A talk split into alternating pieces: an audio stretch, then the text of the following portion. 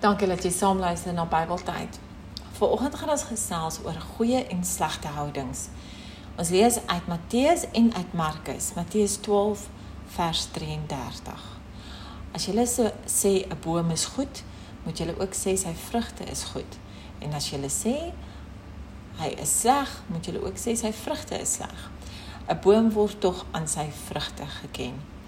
In Markus 12 vers 33 staan daar en om hom lief te hê met jou hele hart en met jou hele denke met al jou krag en om jou naaste lief te hê soos jouself is van meer belang as al die brandoffers en ander diereoffers.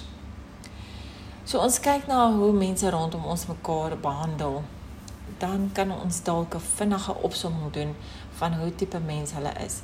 'n Geharde of 'n omgee mens. Mense kan ons ook so sien hoe is ons gehard of omgee. Ons moet goeie denke hê sodat ons goeie mense ook sal wees.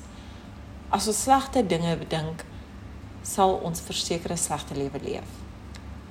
Ons kom dit dalk nie altyd agter nie maar ons moet konstant dink waaraan ons dink.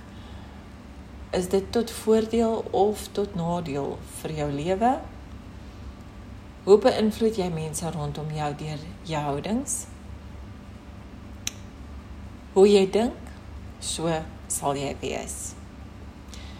Dankie dat jy saam geluister het vandag en baie dankie dat jy Bybeltyd ook deel daar buitekant.